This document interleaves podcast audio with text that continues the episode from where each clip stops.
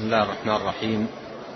إن الحمد لله نحمده ونستعينه ونستغفره ونتوب إليه ونعوذ بالله من شرور أنفسنا وسيئات أعمالنا. من يهده الله فلا مضل له ومن يضلل فلا هادي له. وأشهد أن لا إله إلا الله وحده لا شريك له. وأشهد أن محمدا عبده ورسوله. صلى الله وسلم عليه وعلى آله وأصحابه أجمعين. أما بعد فإن مصنف هذا الكتاب شيخ الإسلام ابن تيمية رحمه الله بدأ لكتابه بمقدمة نافعة تحدث فيها من خلال عرض الآيات والدلائل من الكتاب والسنة عن مكانة الذكر ومنزلته عند الله عز وجل وعظيم ثوابه وما يترتب عليه من الخيرات العميمة والأفضال الكريمة في الدنيا والآخرة. وأخذ رحمه الله يسوق جملة من الأدلة بدأها باي من القرآن ثم بجملة من الأحاديث عن الرسول الكريم عليه الصلاة والسلام. وأول آية بدأ بها هي قول الله سبحانه وتعالى يا أيها الذين آمنوا اتقوا الله وقولوا قولا سديدا. يصلح لكم أعمالكم ويغفر لكم ذنوبكم ومن يطع الله ورسوله فقد فاز فوزا عظيما. ولعل في بدء المصنف رحمه الله بهذه الآية قبل غيرها تنبيها منه رحمه الله على أهمية صيانة اللسان وحفظه وأن أعظم شيء يصان به اللسان هو ذكر الله. أعظم شيء يصان به اللسان هو ذكر الله عز وجل.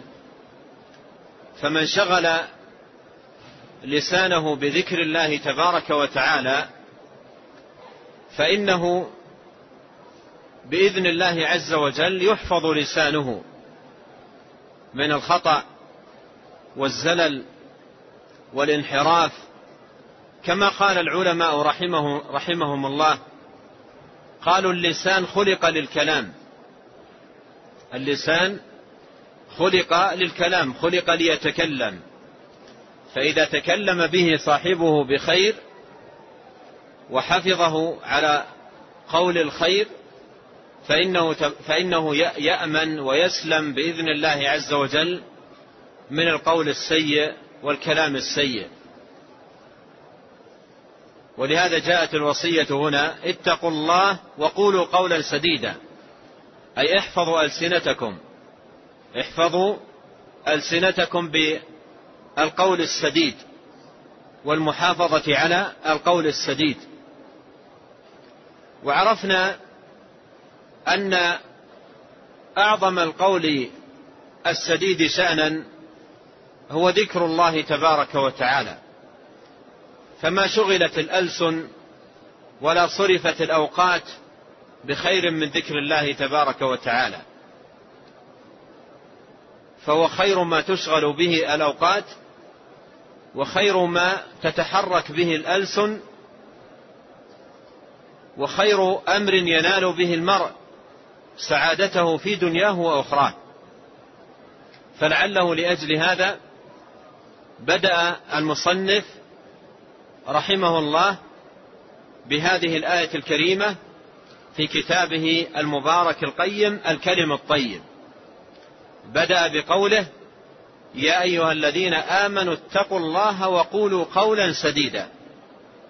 وكأنه ينبه بهذا إذا أردت أن يكتب للسانك الحفظ والصيانة والسلامة من الزلل والخطل فعليك بالإكثار من ذكر الله وملازمة ذكر الله تبارك وتعالى فإن في هذا فإن في هذا حفظا للسانك وصيانة لمنطقك بل وصيانة لعملك. بل وصيانة لعملك. كما عرفنا هذا من الآية نفسها. قال يصلح لكم أعمالكم. اتقوا الله وقولوا قولا سديدا. الثمرة يصلح لكم أعمالكم ويغفر لكم ذنوبكم. وفي هذا المعنى الحديث الذي قدمناه بالأمس وهو قول النبي عليه الصلاة والسلام إذا أصبح ابن آدم فإن الأعضاء كلها تكفر اللسان. تقول اتق الله فينا فإنما نحن بك. فإن استقمت استقمنا وإن اعوججت اعوججنا. ثم أخذ المصنف رحمه الله بعد ذلك يورد الآيات في بيان فضيلة الذكر ومكانته. نعم. الحمد لله والصلاة والسلام على رسول الله. قال المؤلف رحمه الله وقال تعالى إليه يصعد الكلم الطيب والعمل الصالح يرفعه. قال وقال تعالى إليه يصعد الكلم الطيب. إليه يصعد الكلم الطيب. إليه أي إلى الله. فإلى الله تبارك وتعالى يصعد الكلم الطيب. وهذا يدلنا على فضيلة الكلم الطيب ومكانته. ولاحظوا أن اسم هذا الكتاب الكلم الطيب وعنوان الكتاب مأخوذ من هذه الآية. الكلم الطيب ما هو؟ ذكر الله عز وجل ودعاؤه بالأذكار والأدعية المأثورة الواردة في كتاب الله تبارك وتعالى وسنة نبيه عليه الصلاة والسلام. ولهذا لما جمع المصنف رحمه الله هذا الكتاب الحاوي لجملة طيبة من الأذكار والدعوات المطلقة والراتبة جعل عنوان هذا الكتاب الكلم الطيب.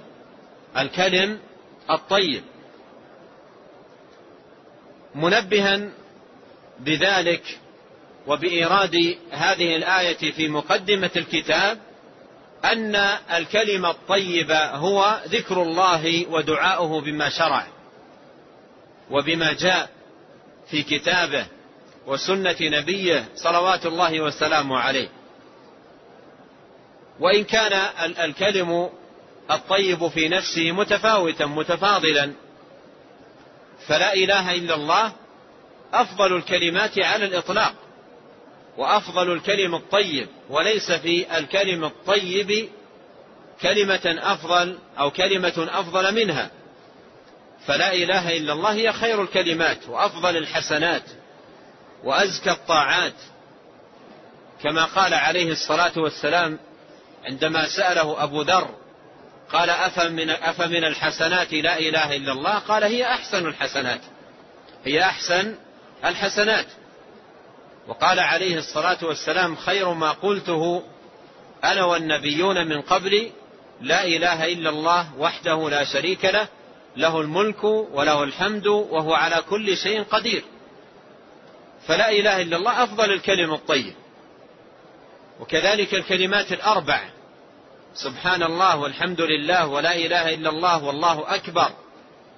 قد ورد فيها أحاديث خاصة. سيأتي بعضها عند المصنف رحمه الله فهذا أفضل الكلم الطيب وأحبه إلى الله وليس هو كل الكلم الطيب لكنه أفضله وأزكاه وأطيبه. ولأجل هذا كما ذكرت المصنف رحمه الله سمى كتابه الكلم الطيب وهذا فيه لفتة أن الكلم الطيب ما هو؟ كل ذكر ودعاء مشروع كل ذكر ودعاء مشروع جاء في القرآن وجاء في السنة هذا كله من الكلم الطيب. وإن كان متفاوتا في فضله بعضه أفضل من بعض لكن كله داخل تحت قوله الكلم الطيب.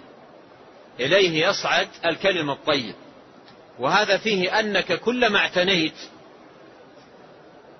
بالكلم الطيب بأنواعه من تسبيح وتهليل وذكر لله تبارك وتعالى ودعاء له عز وجل ومناجاة فكل ذلك يصعد إلى الله. كل ذلك يصعد إلى الله كما كما قال الله إليه يصعد الكلم الطيب. إليه أي إلى الله سبحانه وتعالى. ومن المعلوم معاشر الإخوة الكرام أن الصعود يكون إلى ماذا؟ إلى أعلى. إليه يصعد الكلم الطيب. والصعود إلى أعلى. فهذا فيه دلالة على علو الله تبارك وتعالى وأنه عز وجل العلي العظيم كما أخبر بذلك عن نفسه. قال سبح اسم ربك الأعلى. وقال وهو الكبير المتعال. وقال وهو العلي العظيم. فهو سبحانه وتعالى العلي الأعلى المتعال. هذا وصفه سبحانه وتعالى له العلو. له العلو ذاتا وقدرا وقهرا. هو سبحانه وتعالى علي على خلقه. بذاته سبحانه وتعالى مستو على عرشه. كما أخبر عن نفسه بذلك في, في, في, في قوله الرحمن على العرش استوى وقوله ثم استوى على العرش. فنحن نؤمن إيمانا جازما لا ريب فيه أن ربنا سبحانه وتعالى علي على خلقه. ولهذا نقرأ هنا إليه يصعد. الصعود إلى أعلى. وأيضا نقرأ في آية أخرى تعرج الملائكة والروح إليه أي إلى الله عز وجل. وأيضا نقرأ تنزيل الكتاب لا ريب فيه من رب العالمين والنزول من أعلى. فالله, فالله تبارك وتعالى لا لا له العلو. له العلو ومن دلائل علوه هذه الآية الكريمة. إليه يصعد الكلم الطيب. يصعد إلى إلى الله تبارك وتعالى. ولكن الكلم الطيب ورعاية العبد له وعنايته به يحتاج معه أيضا أعمال صالحة تزكيه وترفعه وتعليه. ولا يكون منه قول بلا عمل. بل لديه كلم طيب قول نافع ذكر حسن دعاء مفيد وفي الوقت نفسه عنده أيضا أعمال صالحة وطاعات زاكية يتقرب بها إلى الله سبحانه وتعالى. ولهذا قال في الآية إليه يصعد الكلم الطيب والعمل الصالح يرفعه. والعمل الصالح يرفعه أن يرفع الكلم الطيب. فلا بد منهما. لا يكتفى بأحدهما دون الآخر. بل لا بد من الأقوال الزاكية التي هي ذكر الله تبارك وتعالى ودعاؤه والأعمال الصالحة المقربة إلى الله عز وجل. ولهذا الدين والإيمان قول وعمل. قول وعمل. أقوال أقوال مباركة وأعمال صالحة يتقرب بها المسلم إلى الله تبارك وتعالى. قال إليه يصعد الكلم الطيب والعمل الصالح يرفعه أي يرفع الكلم الطيب. وفي الآية تنبيهان مهمان.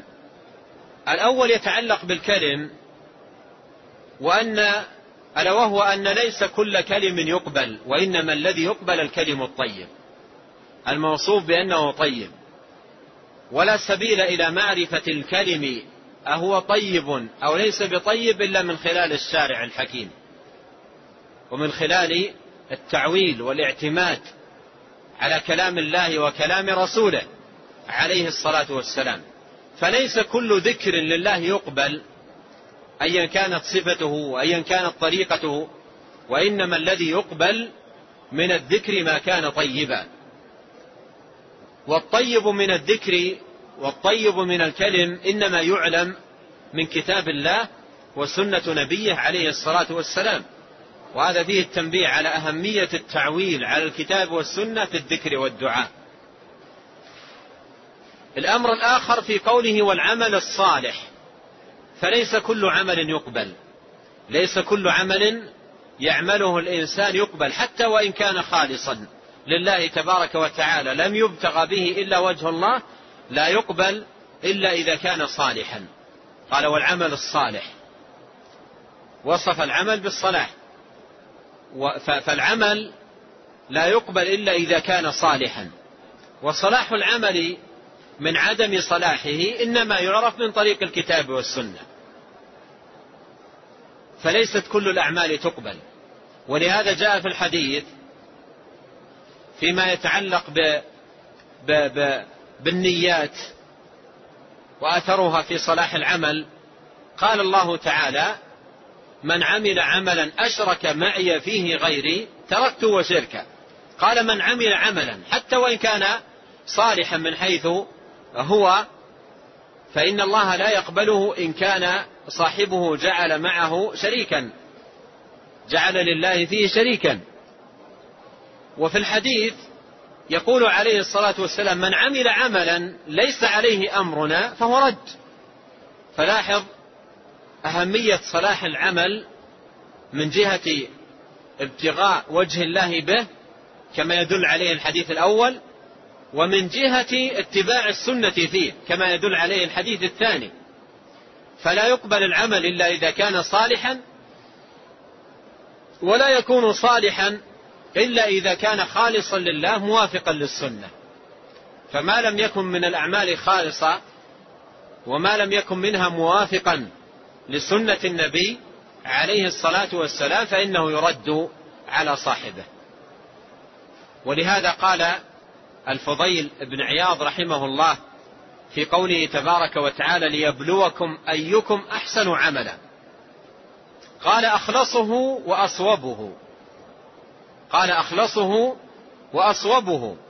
قيل يا أبا علي وما أخلصه وأصوبه؟ أبن لنا هذا. وما أخلصه وأصوبه؟ قال إن العمل إذا كان خالصا ولم يكن صوابا لم يقبل. وإذا كان صوابا ولم يكن خالصا لم يقبل. حتى يكون خالصا صوابا. والخالص ما كان لله والصواب ما كان على السنة. الخالص ما كان لله والصواب ما كان على السنة. أيضا لاحظ ملاحظة أخرى مهمة في الآية في قوله يصعد وقوله يرفعه. إليه يصعد الكلم الطيب والعمل الصالح يرفعه. في صعود في الأقوال. وفي رفع لها من جهة الأعمال الصالحة المقربة إلى الله تبارك وتعالى. عندما تقرأ هذه الآية يجتمع فيك رجاء وخوف. رجاء عندما تكون من أهل المحافظة على الكلم الطيب والعمل الصالح أن يكون أن يكون ذلك منك صاعد إلى الله مرتفع إليه متقبل عنده. ترجو ذلك. وأيضا يكون عندك خوف من جهة أخرى. تخشى أن يكون منك أقوال وأعمال فلا تصعد إلى الله سبحانه وتعالى. فلا تصعد إلى الله تبارك وتعالى بل ترد على صاحبها. فيخاف الإنسان من ذلك. ولهذا جاء في القرآن الكريم قول الله سبحانه وتعالى والذين يؤتون ما آتوا وقلوبهم وجلة. والذين يؤتون ما آتوا وقلوبهم وجلة أنهم إلى ربهم راجعون. وجلة أي خائفة. من ماذا؟ يؤتون ما آتوا أي يقدمون ما يقدمون من الأعمال الصالحة صلاة صيام صدقة إلى غير ذلك. وقلوبهم وجلة أي خائفة ألا يقبل منهم. وجلة أي خائفة ألا يقبل منهم. كما بين ذلك الحديث. حديث عائشة رضي الله عنها في مسند الإمام أحمد.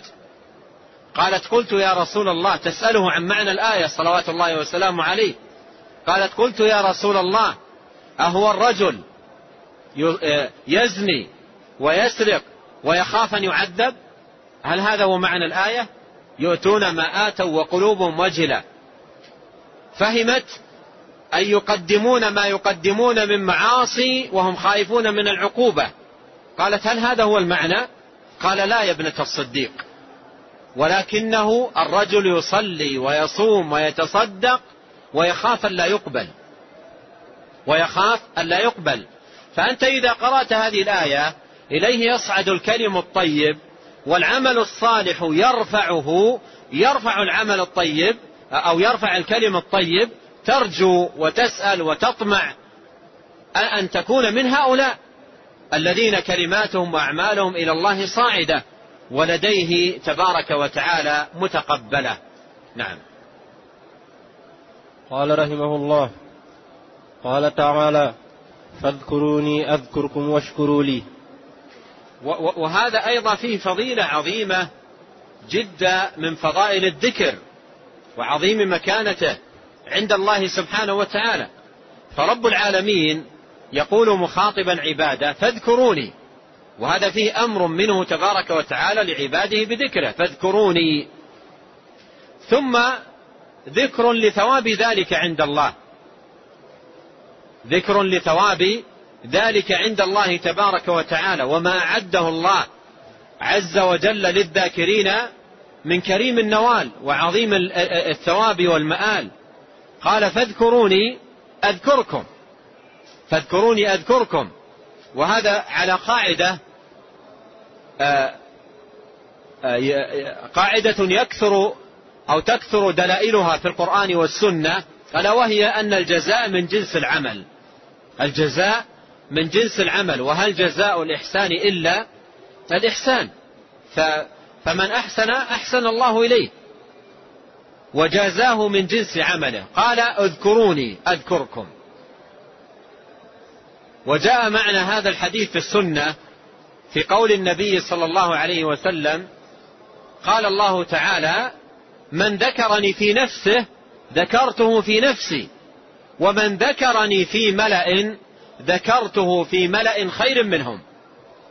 ومن ذكرني في ملأ ذكرته في ملأ خير منهم. وهذا جزاء من جنس العمل. وأي ثواب وأي مكانة أعظم أعظم من أن يحظى عبد الله المؤمن بذكر الله تبارك وتعالى له. يذكره رب العالمين. في الأعلى عند الملائكة الكرام الأطهار البررة. وقد جاء في صحيح مسلم عن معاوية رضي الله عنه قال خرج علينا رسول الله صلى الله عليه وسلم ونحن حلقة جلوس في المسجد نتذاكر. فقال ما أجلسكم؟ ما أجلسكم؟ ما الذي أجلسكم في المسجد؟ قلنا جلسنا نذكر الله وما من الله علينا به. يعني من نعمة الإسلام ونعمة الهداية للدين. فقال عليه الصلاة والسلام آه الله ما أجلسكم إلا ذلك؟ يستحلفهم بالله. آه الله ما أجلسكم إلا ذلك؟ قلنا والله ما أجلسنا إلا ذلك. والله ما أجلسنا إلا ذلك. يعني ما جلسنا إلا لذكر الله ومدارسة الإسلام وأمور الدين ومسائل الشرع. والله ما أجلسنا إلا ذلك. فقال عليه الصلاة والسلام أما والله إني لم أستحلفكم تهمة لكم. أما والله إني لم أستحلفكم تهمة لكم. يعني لم أطلب منكم الحلف لأنني أتهمكم على الكذب. ليس هذا السبب. إذا ما هو السبب؟ قال أما والله إني لم أستحلفكم تهمة لكم. ولكن أتاني جبريل آنفا فأخبرني أن الله يباهي بكم ملائكته. أتاني جبريل آنفا فأخبرني أن الله يباهي بكم ملائكته. هذا هو معنى اذكروني أذكركم. إذا ذكرت الله عز وجل في نفسك ذكرك الله في نفسه. وإذا ذكرته سبحانه وتعالى في ملأ ذكرك الله في ملأ خير منهم في الملائكة عند الملائكة الكرام الأطهار البررة. فهذا من ثواب ثواب الذكر ومن عاجل بشرى الذاكر أن يحظى بهذا هذه المنزلة العظيمة أن يذكره الله تبارك وتعالى في, في, في الملأ الأعلى في الكرام في الكرام الأطهار البررة ملائكة الله عز وجل. أيضا مثل هذا ما جاء في صحيح مسلم عن أبي هريرة رضي الله عنه.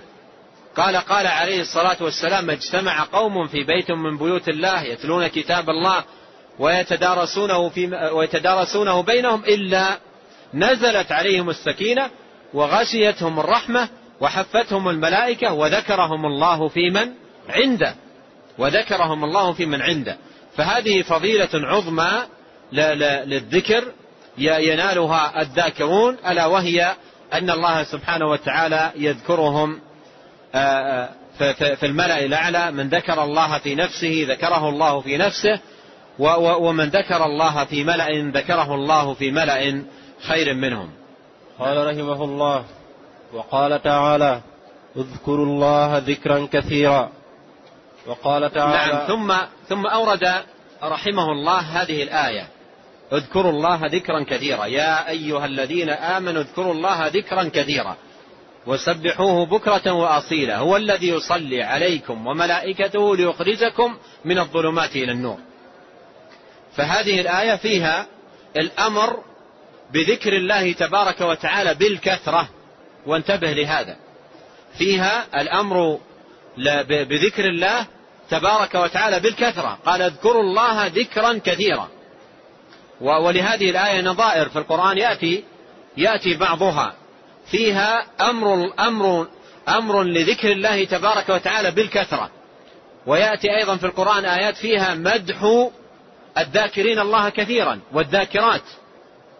فهنا أمر زائد على مجرد الأمر بالذكر وهو الأمر بذكر الله بالكثرة بأن تكون مكثرا من ذكر الله. كثير الذكر لله تبارك وتعالى. كثير العناية بذكر الله تبارك وتعالى. لا يكون ذكرك لله قليلا. والله عز وجل ذم المنافقين بماذا؟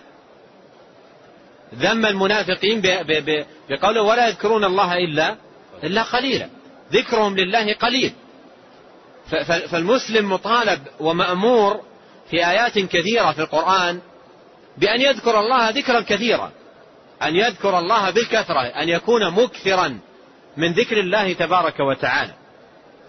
وذكر الله تبارك وتعالى بالكثرة يترتب عليه أجور عظيمة وأفضال كريمة. منها ما أشير إليه في هذه الآية التي أوردها المصنف اذكروا الله ذكرا كثيرا وسبحوه بكرة وأصيلا هو الذي يصلي عليكم. وهذه ثمرة من ثمار الإكثار من ذكر الله أن يصلي رب العالمين عليك هو الذي يصلي عليكم. وصلاته تبارك وتعالى على على عبده المؤمن ذكره له في الملأ الأعلى. على المعنى الذي تقدم معنا اذكروني أذكركم. فصلاة الله على عبده ذكره له وثناؤه عليه في الملأ الأعلى. هو الذي يصلي عليكم وملائكته. ويترتب على ذلك ما, ما, ما جاء في قوله ليخرجكم من الظلمات إلى النور. وكان بالمؤمنين رحيما. فهذه كلها فضائل وثمار وآثار للإكثار من ذكر الله. صلاة الله على الذاكر إخراجه من الظلمات إلى النور أن أن يحظى برحمة الله الخاصة بعباده المؤمنين وكان بالمؤمنين رحيما. فهذه كلها فضائل وثمار وآثار للإكثار من ذكر الله تبارك وتعالى. وفي الآية الأخرى قال والذاكرين الله كثيرا والذاكرات أعد الله لهم مغفرة وأجرا عظيما. فالشاهد أن هذه الآيات ونظائرها فيها أمر لذكر الله تبارك وتعالى بالكثرة. وها هنا يأتي سؤال كبير ومهم للغاية. ذكره العلماء في كتب الأذكار. ومنهم النووي رحمه الله في كتابه الأذكار. وأيضا آه، ذكره المفسرون في في قوله تعالى والذاكرين والذاكرين الله كثيرا والذاكرات والذاكرين الله كثيرا والذاكرات ألا وهو متى يكون العبد من هؤلاء. متى يكون العبد من هؤلاء الذين وصفوا بهذا الوصف ونعتوا بهذا النعت كثرة الذكر لله تبارك متى يكون من أهل هذا الوصف؟ وقد توارد كلام أهل العلم في الجواب على هذا السؤال أن العبد يكون من الذاكرين الله كثيرا والذاكرات إذا حصل منه مواظبة إذا حصل منه مواظبة وعناية مستمرة في أيامه بالأذكار آه، الموظفة الراتبة في صبيحة اليوم ومسائه وعند النوم وعند القومة منه وأدبار الصلوات وعند الدخول دخول المنزل وعند الخروج وعند الطعام وعند الشراب وعند الفراغ منه. وعند ركوب الدابة إلى غير ذلك من الأذكار التي ستراها في مثل هذا الكتاب في هذا الكتاب وأمثاله التي تجمع عمل المسلم ووظيفته في يومه وليلته في, في باب ذكر الله تبارك وتعالى. هناك أذكار المسلم مرغب في أن يحافظ عليها وأن يلازم وأن يلازمها ملازمة تامة في أيامه ولياليه. ليكون ذاكرا لله في كل أحايينه. وهي أذكار راتبة أذكار موظفة للمسلم في يومه وليلته. ولهذا بعض العلماء سموا مؤلفاتهم التي حوت هذه الأذكار سموها عمل اليوم والليلة. عمل اليوم والليلة. يعني عمل المسلم في يومه وليلته الذي يواظب عليه. لي لي ليكتب وليكون من الذاكرين الله كثيرا والذاكرات.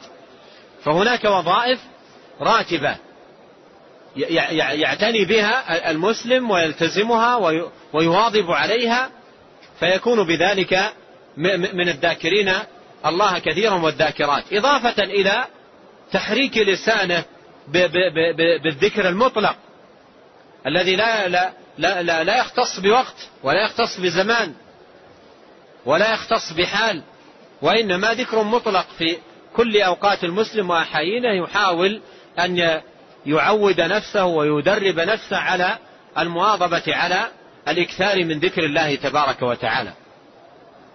وبهذا أجاب العلماء وقد جاء عن ابن عباس رضي الله عنهما كلاما هذا هذا مؤداه أن من واظب على أذكار الصباح وأذكار المساء وأذكار أدبار الصلوات ونحو ذلك من الأذكار كان من من من الذاكرين الله كثيرا والذاكرات. وجاء هذا المعنى عن عدد عدد من أهل العلم في بيان متى يكون الإنسان من هؤلاء الذين هم أهل الذكر لله تبارك وتعالى بالكثرة. قال يا أيها الذين آمنوا اذكروا الله ذكرا كثيرا ذكرا كثيرا. وسبحوه بكرة وأصيلا ثم ذكر الثمرة فقال هو الذي يصلي عليكم وملائكته ليخرجكم من الظلمات إلى النور وكان بالمؤمنين رحيما. نعم. قال رحمه الله وقال تعالى والذاكرين الله كثيرا والذاكرات. قال وقال تعالى والذاكرين الله كثيرا والذاكرات. ثم ذكر ثوابهم. قال والذاكرين الله كثيرا والذاكرات أعد الله لهم مغفرة وأجرا عظيما. فهذا أيضا فيه فضيلة الذكر لله تبارك وتعالى بالكثرة وذكر الثواب لذلك ألا وهو غفران الذنوب ونيل الثواب العظيم. نيل الثواب العظيم. قال لهم مغفرة وأجرا عظيما. أجرا نكرة. وهذا لتفخيم الثواب. تفخيم الثواب وتعلية قدره. ثم وصف بالعظمة. فلهم أجر عظيم عند الله عز وجل. لهم أجر عظيم عند الله إضافة إلى غفران الذنوب. فلهم مغفرة الذنوب ولهم الثواب العظيم والأجر الجزيل من الله تبارك وتعالى. هذا ثواب من, من يذكر الله تبارك وتعالى بالكثرة ومضى معنا قبل قليل ما متى يكون العبد من هؤلاء الذين هم أهل الذكر لله تبارك وتعالى بالكثرة. نعم. قال رحمه الله وقال تعالى الذين يذكرون الله قياما وقعودا وعلى جنوبهم. هذا وصف لأولي الألباب. هذا وصف لأولي الألباب أولي العقول الراجحة الزكية الطيبة كما قال الله عز وجل في أواخر آل عمران قال إن في خلق السماوات والأرض واختلاف الليل والنهار لآيات لأولي الألباب. من هم؟ ما, ما حليتهم؟ ما صفتهم؟ قال الذين يذكرون الله قياما وقعودا وعلى جنوبهم ويتفكرون في خلق السماوات والأرض. ربنا ما خلقت هذا باطلا سبحانك فقنا عذاب النار.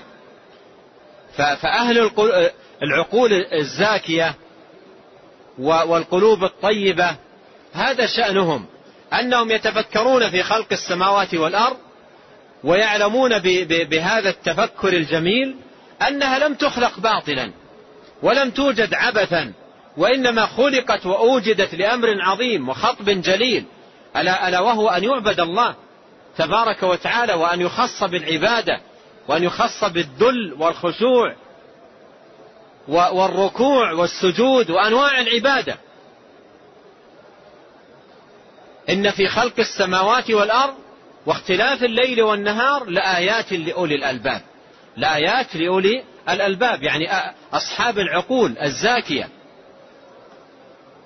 ثم ذكر حليتهم. تبارك وتعالى قال الذين يذكرون الله قياما وقعودا وعلى جنوبهم. وهذا وصف لهم بأنهم ذاكرون لله تبارك وتعالى في كل أحوالهم. إذا كان الواحد منهم مضطجعا يذكر الله وإذا كان قاعدا يذكر الله وإذا كان قائما يذكر الله وإذا كان ماشيا يذكر الله فهو في كل أحواله ذاكر لله. فقوله سبحانه وتعالى الذين يذكرون الله قياما وقعودا وعلى جنوبهم هذا وصف لهؤلاء بأنهم ذاكرون لله تبارك وتعالى في كل أحوالهم. كما جاء وصف النبي عليه الصلاة والسلام في الحديث أنه كان يذكر الله في كل أحيانه قائما قاعدا مضطجعا على كل حال يذكر الله تبارك وتعالى. فالآية دليل على أن من صفة أولي الألباب ومن حليتهم ذكر الله بالكثرة. ذكر الله تبارك وتعالى بالكثرة. وفي كل حال مضطجعين يذكرون الله. مضطجعين يذكرون الله. وقاعدين يذكرون الله. وقائمين يذكرون الله. فهم في كل أحوالهم ذاكرين لله تبارك وتعالى. هذا هو معنى الآية الذي لا معنى لها سواه. هذا هو معناها. معناها ذكر الله والإكثار من ذكره في القيام والقعود و و والاضطجاع وفي كل الأحوال يكون مكثرا من ذكر الله تبارك وتعالى. أما بعض الطرقية الضلال أصحاب الباطل فقد حرفوا هذه الآية تحريفا من أقبح ما يكون وأشنعه. والعياذ بالله. قالوا ماذا؟ في, في معنى هذه الآية. وهذا ذكروه في كتبهم. ونصوا عليه في كتبهم في, في, في, في تقرير معنى هذه الآية. قالوا ماذا؟ قالوا الذين يذكرون الله قياما وقعودا وعلى جنوبهم قالوا هذا دليل دليل على الرقص وقت الذكر. بحيث أن الإنسان يذكر يذكر الله ويرقص يعني يقوم ويقعد ويهتز يمين وشمال. قالوا الدليل على ذلك الذين يذكرون الله قياما وقعودا وعلى جنوبهم يعني يتمايلون. ويقوم ويقعد ويميل على جنبه. مرة على الجنب الأيمن ومرة على الجنب الأيسر ومرة يقفز من, من, من الأرض إلى الأعلى. هذا معنى قوله الذين يذكرون الله قياما وقعودا وعلى جنوبهم. قالوا هذه صفة أولو الألباب. والحقيقة أن, أن هذه صفة من؟ صفة من؟ هل هذه صفة أولو الألباب العقلاء؟ هل العاقل؟ من شأنه التمايل يمينا وشمالا ويقفز من أعلى إلى أسفل. أما من وصف من فقد اللب وفقد العقل ليست هذه صفة أهل الرزانة ولا من صفة أهل العقل ولا, أهل من صفة ولا من صفة أهل الرجاحة أن يكون بهذا الشأن. في كل أوقاته فكيف في وقت ذكره لله؟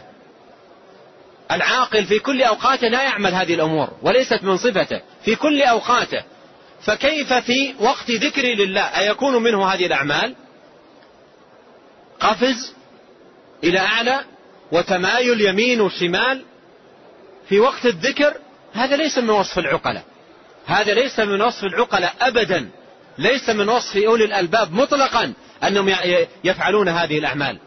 أولو الألباب لا يفعلون هذه الأعمال في أوقاتهم كلها فضلا عن أن تقع منهم وقت ذكرهم لله سبحانه وتعالى. هذا لا يفعله العقلاء أبدا وليس من صفتهم. وذكر الله تبارك وتعالى فيه طمأنينة فيه رزانة فيه سكون فيه هدوء. الذين آمنوا وتطمئن قلوبهم بذكر الله. لا ترتج. ولا يفعلون أفعال السفهاء وأفعال الحمقى وأفعال الماجنين. وأفعال الغواة تمايل وقفز إلى آخر هذا كله, كله من الضلال ومن السفه ومن الباطل. ومصيبة هؤلاء أنهم, أنهم جعلوا والعياذ بالله الرقص مرتبطا بالذكر. جعلوه مرتبطا بالذكر وجعلوه جزءا من جزءا منه. وأخذوا لهذا الفساد العريض الذي وقعوا فيه يستدلون عليه بالآيات. ويؤولونها ويفسرونها على غير معناها كما صنعوا في, في, في هذه الآية الكريمة. ولما كان ولما كان ال ال الرقص عند هؤلاء مرتبطا بالذكر لما كان الرقص مرتبطا بالذكر جعلوا في في كتب الأذكار وفي كتبهم العامة أبوابا خاصة في آداب الرقص. في, في آداب الرقص. لأن أصبح عندهم الرقص مرتبط بالذكر. قالوا وللرقص آداب. ولهذا تجد في بعض الكتب يأتي كتاب الذكر ويسمونه كتاب السماع ثم بعده يأتي باب الرقص آداب الرقص. يعني كيف يكون ما هي الآداب التي يتحلى بها؟ الراقص. في في مجلس الرقص. ما هي الآداب؟ ومما قرأته بنفسي في أحد الكتب التي ألفت لإحياء علوم الدين الإسلامي آه، لهذا الشأن ألفت فيها باب بعنوان آداب الرقص. آداب الرقص. ما هي؟ بعد بعد كتاب السماع مباشرة آداب الرقص.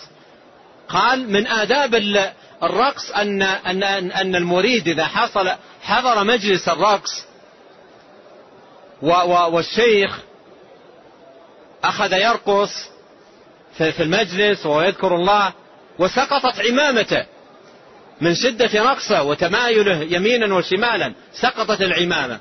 ماذا يفعل التلميذ؟ قال من أدب مجلس الرقص أن التلميذ يخلع عمامته.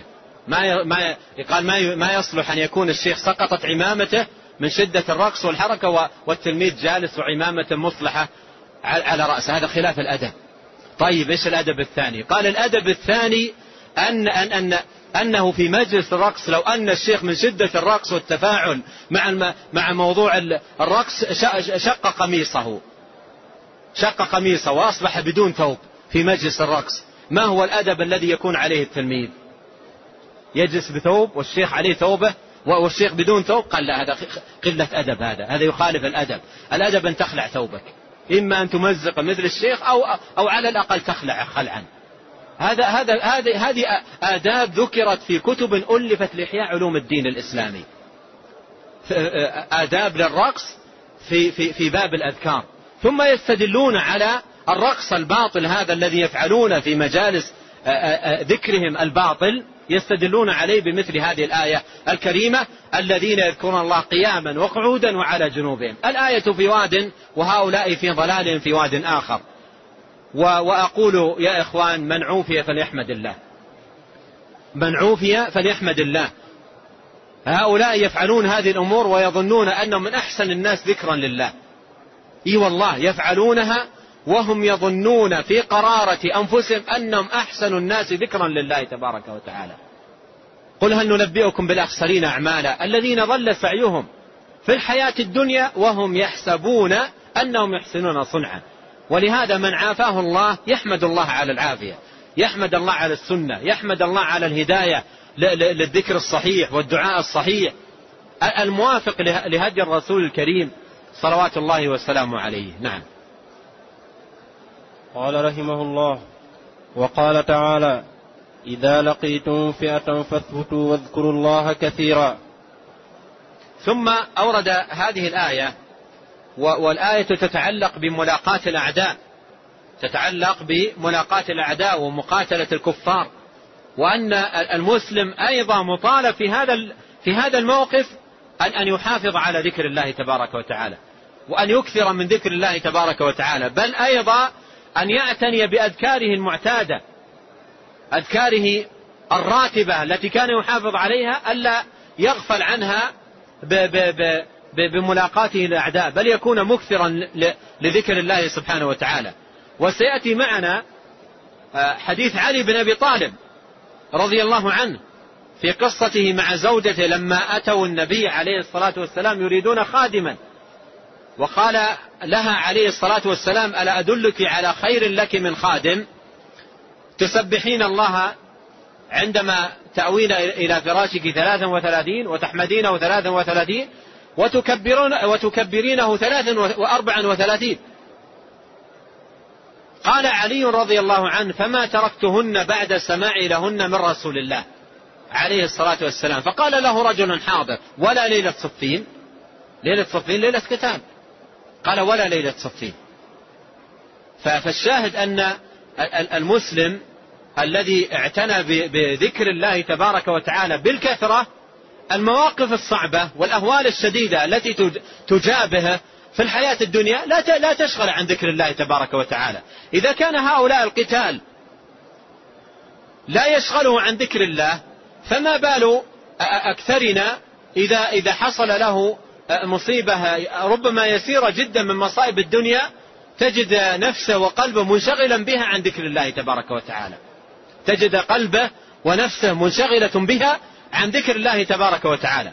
فالشاهد أن هذه الآية فيها تنبيه عظيم أن المسلم ينبغي أن يعود نفسه على المواظبة على ذكر الله تبارك وتعالى في كل الأحوال وفي أحلك الظروف وفي الشدائد وفي المصائب وفي كل حال من أحواله يكون معتنيا بذكر الله تبارك وتعالى. نعم. قال رحمه الله وقال تعالى فإذا قضيتم مناسككم فاذكروا الله كذكركم آباءكم أو أشد ذكرا. وهذه الآية أيضا فيها الأمر بذكر الله تبارك وتعالى عقب أداء هذه الفريضة العظيمة فريضة الحج. إذا قضيتم مناسككم أي مناسك الحج فاذكروا الله كذكركم آباءكم أو أشد ذكرا.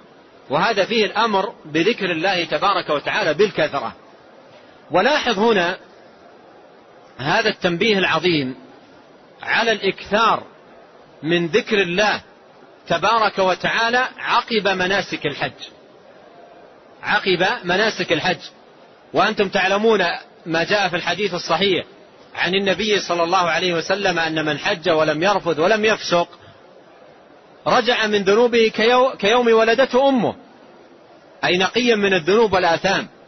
فحال من كان هذا شأنه وقد خرج من هذه الطاعة العظيمة التي من الله تبارك وتعالى عليه بها ويسرها له أن يكون كثير الذكر لله لا أن يكون من الغافلين. ولهذا ليس من علامات الخير أن أن يغفل الإنسان عن ذكر الله ولا سيما عقب هذه الطاعة الكبيرة. ولهذا جاء الأمر هنا بذكر الله. فإذا قضيتم مناسككم فاذكروا الله كذكركم آباءكم أو أشد ذكرا. وهذا فيه الأمر بالإكثار من ذكر الله تبارك وتعالى عقب هذه الطاعة. وأيضا عقب الصيام.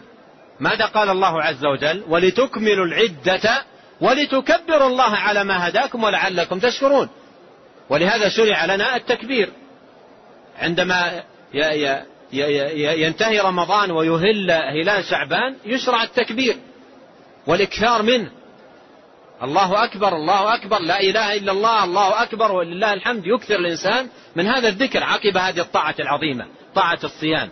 وكذلك طاعة الحج يكثر الإنسان بعدها من ذكر الله. وطاعة الصلاة أيضا ماذا؟ يكثر من التهليل بعدها والتسبيح. والتحميد والتكبير عقب كل صلاة مكتوبة كما ثبت بذلك الحديث عن رسول الله صلى الله عليه وسلم. نعم.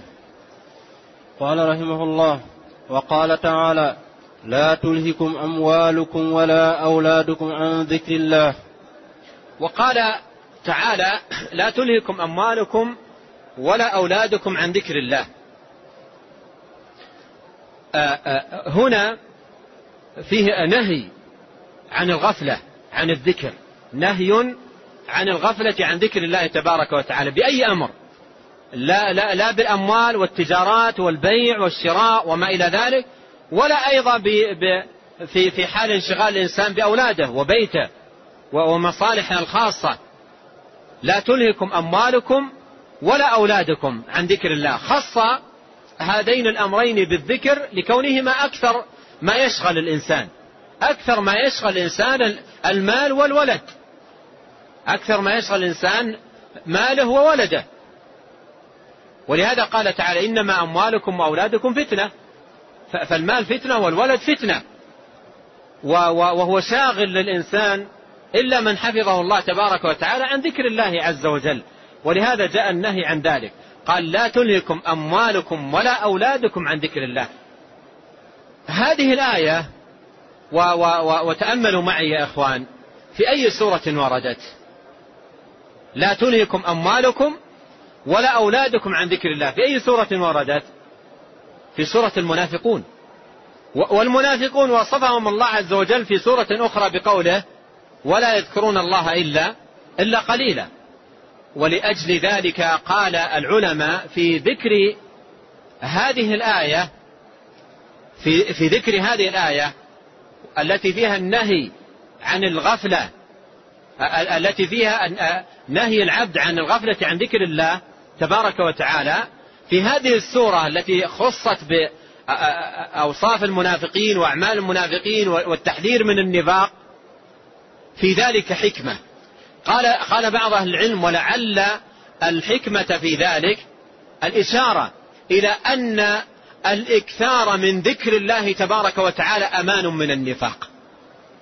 الإكثار من ذكر الله تبارك وتعالى أمان من النفاق.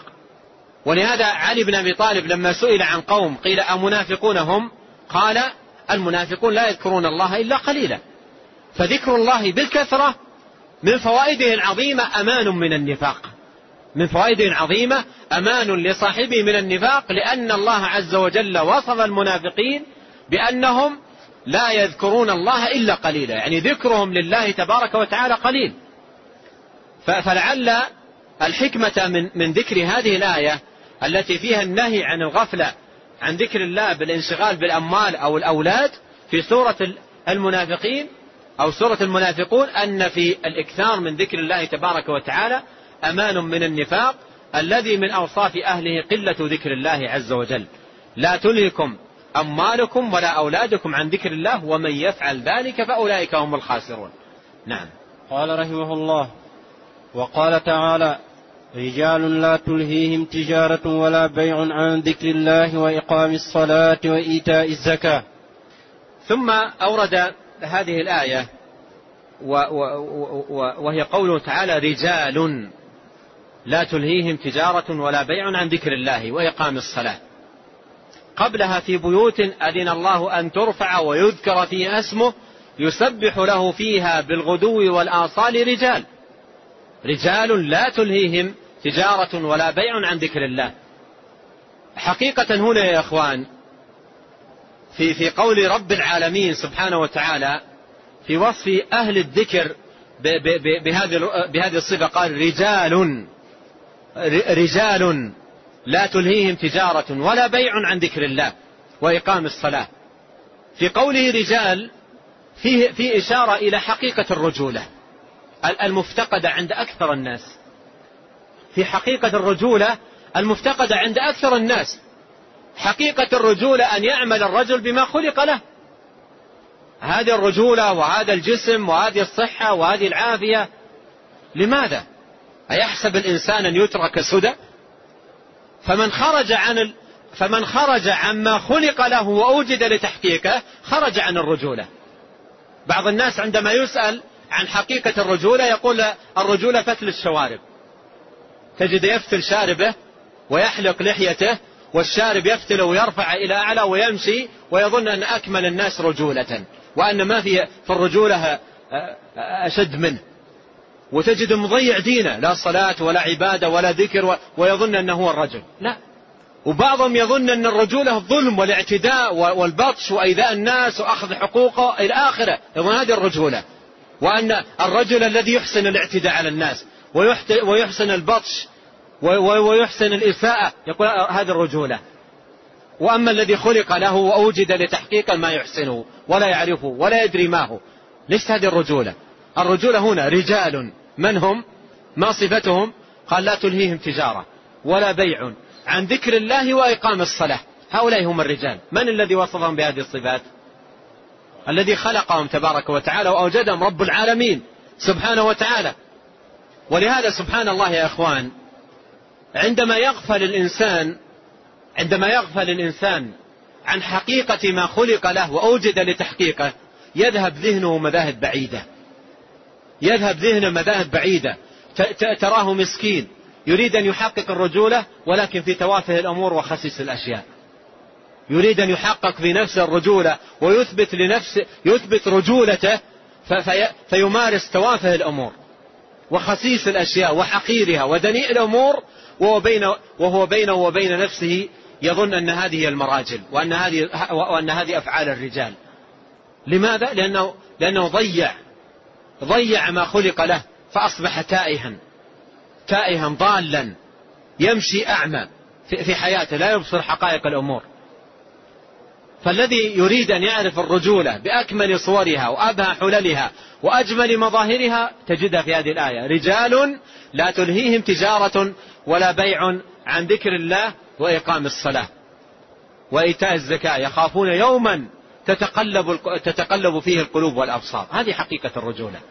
فالشاهد أن الآية فيها بيان لفضيلة الذكر ومكانته وأن آه، أهل الإيمان آه، أهل الطاعة أهل المراجل حقا وصدقا هم المعتنون بذكر الله تبارك وتعالى الذين لا يشغلهم عن ذكر الله شاغل ولا يلهيهم عنه ملهن لا بيع ولا تجارة ولا ولد ولا غير ذلك. نعم. قال رحمه الله وقال تعالى واذكر ربك في نفسك تضرعا وخيفة ودون الجهر من القول بالغدو والآصال ولا تكن من الغافلين. ثم ذكر المصنف أو ختم الآيات بهذه الآية الكريمة التي فيه فيها أمر بالذكر ونهي عن ضده. جمع الله عز وجل في في هذه الآية بين أمرين. أولها الأمر بذكر الله وخاتمتها النهي عن ضده وهو الغفلة. فأمر في أولها بالذكر وختمها بالنهي عن ضده وهو الغفلة قال ولا تكن من الغافلين. وفي أثناء ذلك ذكر جملة من من من الآداب آداب ذكر الله تبارك وتعالى. قال واذكر ربك في نفسك واذكر ربك في نفسك أي ذكرك لله تبارك وتعالى بينك وبين الله سبحانه وتعالى. تذكر الله عز وجل في نفسك. واذكر ربك في نفسك تضرعا. والتضرع هو الإلحاح والمداومة والإكثار والاستمرار على العناية بذكر الله تبارك وتعالى. تضرعا وخيفة. تضرعا وخيفة. والخيفة هي الخوف من الله سبحانه وتعالى. أي, أي تذكر الله وأنت خائف. ذكرك لله تبارك وتعالى إحسان. فتجمع مع إحسانك في ذكرك لله الخوف. خوفا أن يرد عليك عملك. مثل ما مر معنا قريبا والذين يؤتون ما آتوا وقلوبهم وجلة أي خائفة واذكر ربك في نفسك تضرعا وخيفة. أي خائفا.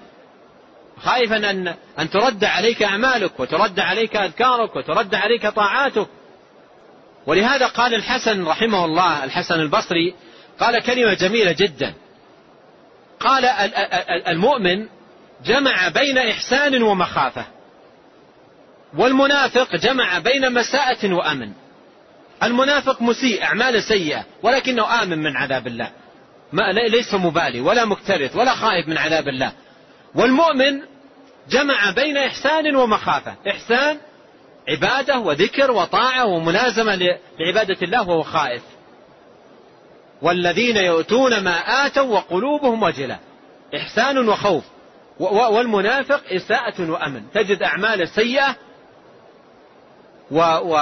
وطاعاته قليلة جدا ومعاصيه كثيرة وفي الوقت نفسه آمن من مكر الله وآمن من عذاب الله وليس مبالي ولا مكترث ولا مهتم. وليس هذا شأن المؤمن. قال واذكر, نفسك واذكر ربك في نفسك تضرعا وخيفة ودون الجهر من القول ودون الجهر من القول.